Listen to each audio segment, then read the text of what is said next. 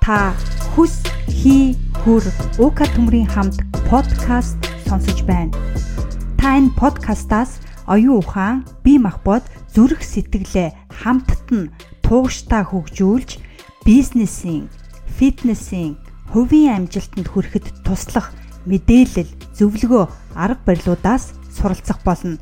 Хэрвээ та амжилтанд хүрэх хүсэлтэй бол наашаа суугаад подкастаа сонсноо.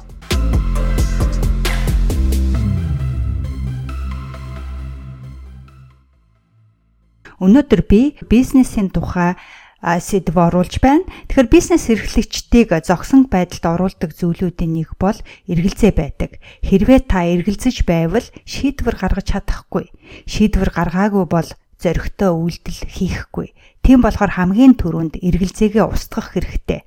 Тиймээс би өнөөдөр хийх үү, болох уу гэж эргэлзэх үед өөрөөсөө асуух 6 асуултыг оруулж байна. Хэрвээ танд эргэлзэж байгаа зүйл байгаа бол цааш нь үргэлжлүүлэн сонсноо. Хэрвээ та хийх үү болох уу гэж эргэлзэж байгаа тохиолдолд хамгийн түрүүнд хийх алхам бол хийх үү болох уу гэж эргэлзэж байгаа зүйлүүдээ амжилтын дэвтэр дээрээ жигсааж бичих нь зүйтэй. Нэг ч зүйл байсан хамаагүй хэд хэдэн зүйл байсан ч хамаагүй бүгдийг амжилтынхаа дэвтэр дээр бичээрэй. Тэгээ бичиж дуусныхаа дараагаар дараах 6 асуултыг нэг бүрчлэн өөрөөсөө асуугаарай. Өөрөөсөө асуух эдгээр асуултанд шууд тийм эсвэл үгүй гэд амархан хариулах боломжгүй учраас а та 6 асуултандаа хариулах хангалттай цагийг өөртөө өгөөрэй. За тэгэхээр эхний асуулт юу вэ гэвэл хэрвээ та хийх үү болох уу гэж эргэлзэж байгаа а бол тийм ээ хийх үү болох уу гэж эргэлзэж байгаа тэр зүйлийг хийснээр эсвэл хийхгүй орхисноор таны бизнесийн үнцэнд нөлөөлөх үү? Таны үнцэнд нөлөөлөх үү? А хийснээр хэрхэн нөлөөлөх вэ? Хийгээгүйгээр хэрхэн нөлөөлөх вэ?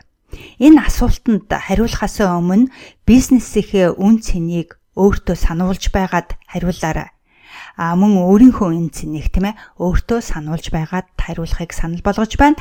Таны бизнес хэрвээ сайнаар нөлөөлж байгаа бол мэдээж тэр хийх үү болох уу гэд байгаа зүйлээ хийснэн дээр а хэрвээ үгүй бол хийсний хэрэггүй.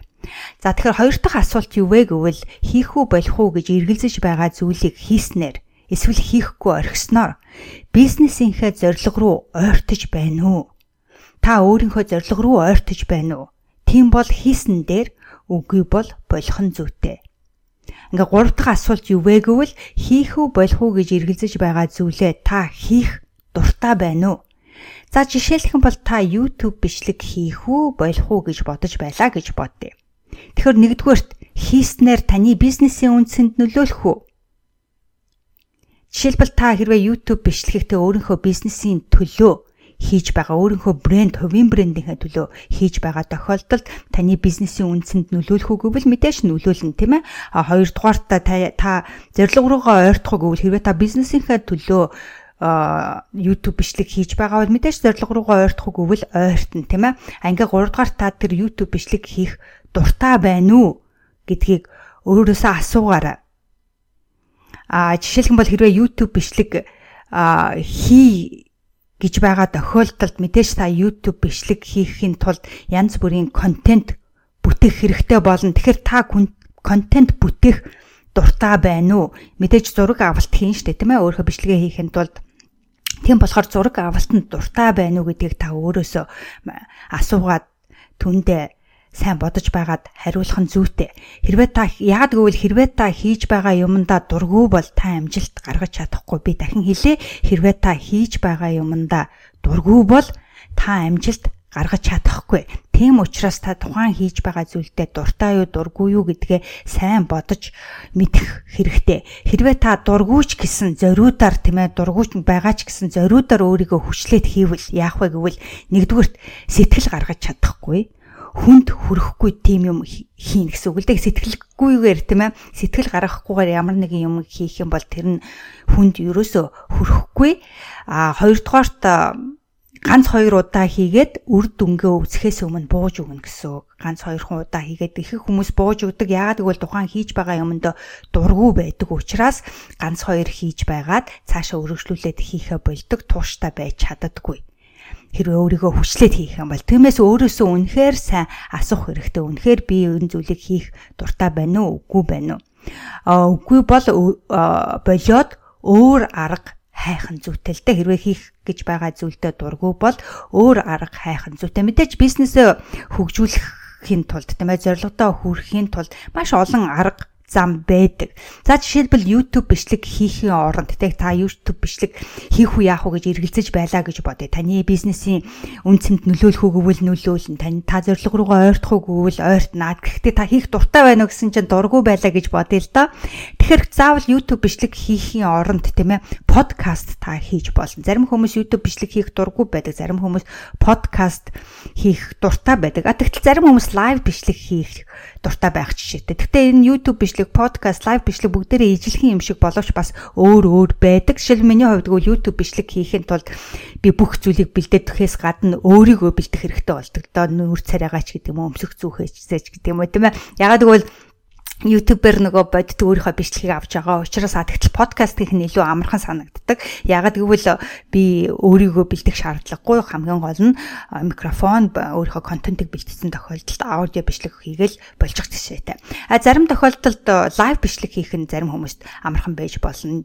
Ягаад гэвэл нэг их тийм контент бэлдээд байх шаардлагагүй яг ингээд лайвер заримдаа шууд бичлэг хийхэд тухайн хүн асуусан хүмүүсийн асуултнаас шалтгаалдаг ч юм уу ингээд лайв хийх нь илүү амархан санагддаг тохиолдлууд бас байдаг. Тийм болохоор а мэдээж бизнесээ хөгжүүлэх зорилготой хөрөх олон арга зам бий. Тийм болохоор зөвхөн нэг арга баригдаад биний хийх дургүй байна гэдэг э, бүр зогсох биш тийм ээ. Түүний оронд та юу хийх боломжтой вэ? Подкаст хийх боломжтой юу? Лайв бичлэг хийх боломжтой алинд нь илүү дуртай байна. Тэр дуртайгаа хийх нь зүйтэй гэж би бодож байна.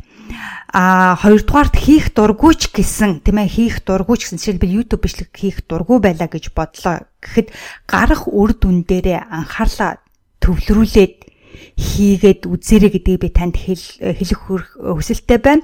А энэ тохиолдолд дургүйч гэсэн гарах үр дүн хүчтэй учраас өөрөө ирэхгүй шамдан хийдэг. Яг тэгвэл би өөрийнхөө жишээнээс харж байхад тэг өөрийгөө харж байхад би анх YouTube бичлэг хийх шийдвэр гаргаа тэр аль дээр 2011 онд YouTube бичлэг хийх шийдвэр гаргаж байсан. Тэгээ YouTube бичлэг хийх нь надад маш хэцүү байсан. Ягаад гэвэл нэгдүгээр контент бүтээж чадахгүй, хоёрдугаарт а контент бичих нь маш хэцүү санагдаж байсан. Мөн өөрийнхөө бичлэгийг авна гэдэг маань надад маш хэцүү санагдаж байсан. Тийм болохоор би хийх маш их дургу байсан гэвэл дургу байсан. А гэхдээ тэрнээ түүнээс гарах үр дүн яг ямар байх вэ гэдгийг би маш сайн мэдэж байсан учраас өөрийн эрэхгүй хийж байсан гарах үр дүн дээр нь анхаарлаа төвлөрүүлээ хийж байсан учраас аяанда тэр тухайн дургүй юмда дуртай болсон гэж боолно. Тийм болохоор хичнээн хийх дургүйч гэсэн гарах үр дүн дээр нь анхаарлаа төвлөрснээр явцын дунд тухайн зүйлдээ хийх дуртай болдог гэдгийг бас хэлэх хүсэлтэй байна ингээ 3 дугаарт хийх дургууга өөр хүмүүсээр хийлгүүлж болно. Нэгсэнтэй хийх дуртай хүмүүсүүдийг нь ажилд аваад тэр хийх дуртай хүмүүсээр хийлгүүлж болно. Аа ингээд дөрөвтөх нь юу вэ гэвэл аа танд болон таны бизнест орлого оруулах уу? Тухайн хийх үү болох уу гэж эргэлзэж байгаа тэр зүйлийг хийснээр тийм ээ танд болон таны бизнест орлого оруулах уу? А яагаад энэ чухал бай гэвэл мэдээж бид тийм ээ бизнес эрхэлж байгаа. Бизнес эрхэлж бай эрхлэхийн гол зүйл юу вэ гэвэл бид чанартай бараагаа аль болохоор олон хүнд түгээгч түгээх хүсэлтэй байдаг дээ. Тийм болохоор худалдан авагчид олох хэрэгтэй, трафик татах хэрэгтэй, мөн борлуулалт хийх хэн бидний зорилго байдаг штэ тийм ээ. Тийм болохоор хэрвээ бидний хийх үү болох уу гэж эргэлзэж байгаа зүйл биднэрт орлого авчрахгүй бол бид хий тэмээ цаг алдсан тийм асуудал болно. Тийм болохоор өөрөөсөө сайн асуугаараа таны бизнест орлого оруулах уу? Жишээлбэл та подкаст хийх үү болох уу гэж боджээ гэж бодъё тийм ээ. А тэгэхээр подкаст орлого оруулах уу гэвэл хэрвээ та үнэхэрийн хүнд хүрсэн хэрэгтэй контент бүтээгээд олон хүнийг татаж чадаа түүнийгээ тууштай хийж чадвал орлого оруулах уу гэвэл оруулна. А хэрвээ үгүй бол цаг гарцсан мэдээж мөнгө гарцсан Тиймээс өөрөөсөө асуугаараа жишээлбэл подкаст хийхээр бол контент тууштай бүтээж чадах уу? Подкаст хийх үү хий гэж хийждэг. А тэгтэл яг подкаст хийн гэдэг маань маш их асуудал ажил шаарддаг контент тууштай бүтээн тийм ээ хийх тогтмол цаг гаргаж чадах уу гэх мэтчлэн асуудлууд дээр асуултуудад өөрөө хариулах хэрэгтэй. Хэрвээ та үнэхээр а 7 хоног болгон контент гаргаж чаднаа, бичлэгээ хийж чаднаа, өдөр болгон контент хийж чаднаа, өнжөөд нэг контент хийж болно. Эсвэл сар болгон нэг дугаар гаргаж чаднаа. Аа тэгээд тэрийгэ хийх цагийг би тогтмол гаргаж чаднаа гэж бодож байгаа бол тэр подкаста хийсэн дээр үгүй бол хэрвээ нэг хоёрхан подкаст нэг хоёрхан дугаар хийгээд тэрийгээ цаашаа өргөжлүүлэхэд хийхэ болох юм бол бидний цаг гарцсан гарцсан асуудал болно тийм үү. Тэгэхээр дөрөв дэх асуулт нь танд болон таны бизнест орлого оруулах уу гэдэг асуултанд маш сайн бодож байгаад хариулаарай. А ингээд тав дугаарт хийхэд хэр их цаг зарцуулах вэ те нөө хийх үү болох уу гэдээ байгаа тэр зүйлийг хийхин тулд та хэр их цаг зарцуулах вэ гэдгийг өөрөөсөө асуугаараа. Тэгээд тэр зарцуулсан цаг чинь ашигаа өгөх үү? Тэгэхэд зарцуулсан цаг чинь танд ашигаа өгөх үү? Хэрвээ хэн нэгэн таныг ярилцлаганд уриад тийм ээ та очих уу болох уу гэж бодож байгаа бол өөрөөсөө асуугаараа зарцуулсан цаг чинь ашигаа өгөх үү? Ярилцлага өгснөөр харилцан бие биедээ ашигтай байх уу? Эсвэл зөвхөн нэг талынх байх уу тийм ээ? Хэрвээ зөвхөн нэг тал давмгайлсан байхаар бол өөрийнхөө бизнес цагаар зарцуулсан хамаагүй дээр штэ тийм ээ? А хэрвээ хоёр талын ашигтайгаар та та өөрийнхөө бизнес ч трафик татах боломжтой бус тийм нөгөө хүнийхээ бизнес ч гэсэн трафик татах боломжтой тийм ээ би биедээ тус тустай байх юм бол мэдээж очсон дээр тийм болохоор дахин өөрөөсөө асуух хэрэгтэй хийх хэр их цаг зарцуулах вэ? Зарцуулсан цаг чинь танд ашигаа өгөх үү? Хэрвээ тийм бол хийсэн дээр хэрвээ үгүй бол болсон дээрээ. За ингээд сүүлчийн асуулт 6 дахь асуулт юу вэ гэвэл нэг юмд цаг гаргаснаар тийм ээ хийх үү болох уу гэж бодлоо гэж бодъё л да тий. Тэгэхээр та энэ асуултыг өөрөөсөө асууаарай. Нэг юмд цаг гаргаснаар зарим тохиолдолд нэг юмны цагнаас хасагдаад байдаг л да. Тэгэхээр нэг юм цаг гаргаснаар нэг юмны аль нэг юмны чинь цагнаас хасагдаж байна уу гэдгийг өөрөөсөө асуугаараа. Тэгээд түүнийг тооцож үзээрэй. Жишээлбэл хэрвээ одоо шилбэл тэр таны хийх гээд хийх үү болох уу гэд байгаа тэр зүйл чинь тийм ээ хэрвээ хийх юм бол хэрвээ хий гэж бодож байгаа бол тэр чинь хэрвээ 7 хоног зарцуулах тийм 7 хоногийн ажил байгаа бол мэдээч өөртөө зарцуулах зарим нэг цагийг хасч байгаад хийж болно. Эсвэл гэр бүлдээ зарцуулах зарим нэг цагийг хасч байгаад хийж болно.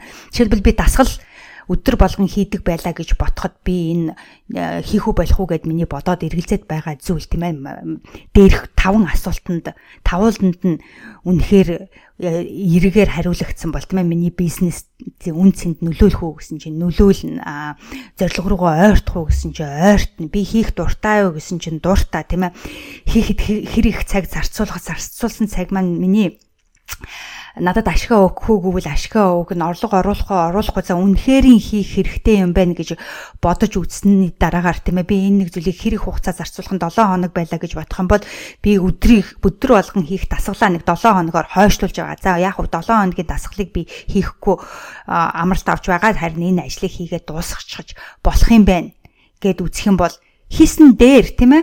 А эсвэл нөгөө хүүхдүүдтэй зарцуулах цагнаасаа хасч байгаад 7 хоног яг хичээж агаад хийчи гэж болох юм бол болох үгүй болно. А гэтэл тэр нөгөө хийх гээд байгаа зүйл чинь нэг юм уу 2 жил зарцуулахаар бол дахин сайн бодож үзэх хэрэгтэй. Нэг мө 2 жил би тасглаа хасч байгаад хийн гэх юм бол айгүй утгагүй болно шүү дээ, тийм ээ. А эсвэл хүүхдүүдтэй гэр бүлдээ зарцуулах цагаа хасч байгаад 2 жил би хасч байгаад энэ нэг зүйлийг хийн гэх юм бол бас утгагүй болно.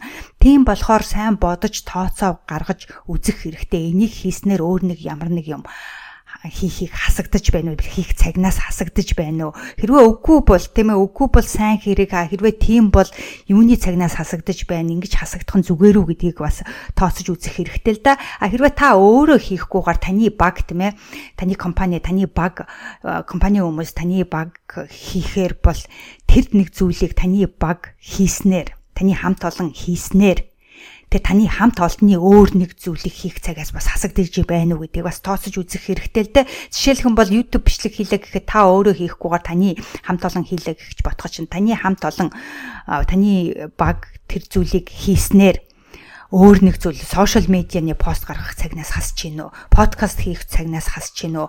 Телевизийн реклам цацах цагнаас хасж гин үү? Эсвэл ямар нэгэн үр бүтээмжтэй ажиллаас нь хасагдаж байна уу? Тэр нь зүгээр үү гэдгийг бас тооцож бодож гаргах нь зүйтэй гэдгийг бас хэлэх хүсэлтэй байна. За тэгэхээр энэ 6 асуултанд хариулснаар эргэлзээгээ устгах боломжтой болох учраас эргэлзээ төрөх үед өөрөөсөө сая түрүүчийн энэ асуусан 6 асуултыг заавал асуугаараа. Тэгэхээр энэ 6 асуултын эхнийх нь юу вэ гэвэл таны бизнесийн үн цэнд нөлөөлөх үү, сайнаар нөлөөлөх үү, муугаар нөлөөлөх үү тийм ээ. Хоёрдугаарт таны бизнесийн зорилго руу ойртож байна уу? Хэрвээ ойртож байвал yes хийгээрээ ойртохгүй байвал тэг зоригтой чи огт нийцэхгүй байвал орхисон дээрээ. А 3 дугаар та хийх үнэхээр дуртай байна уу?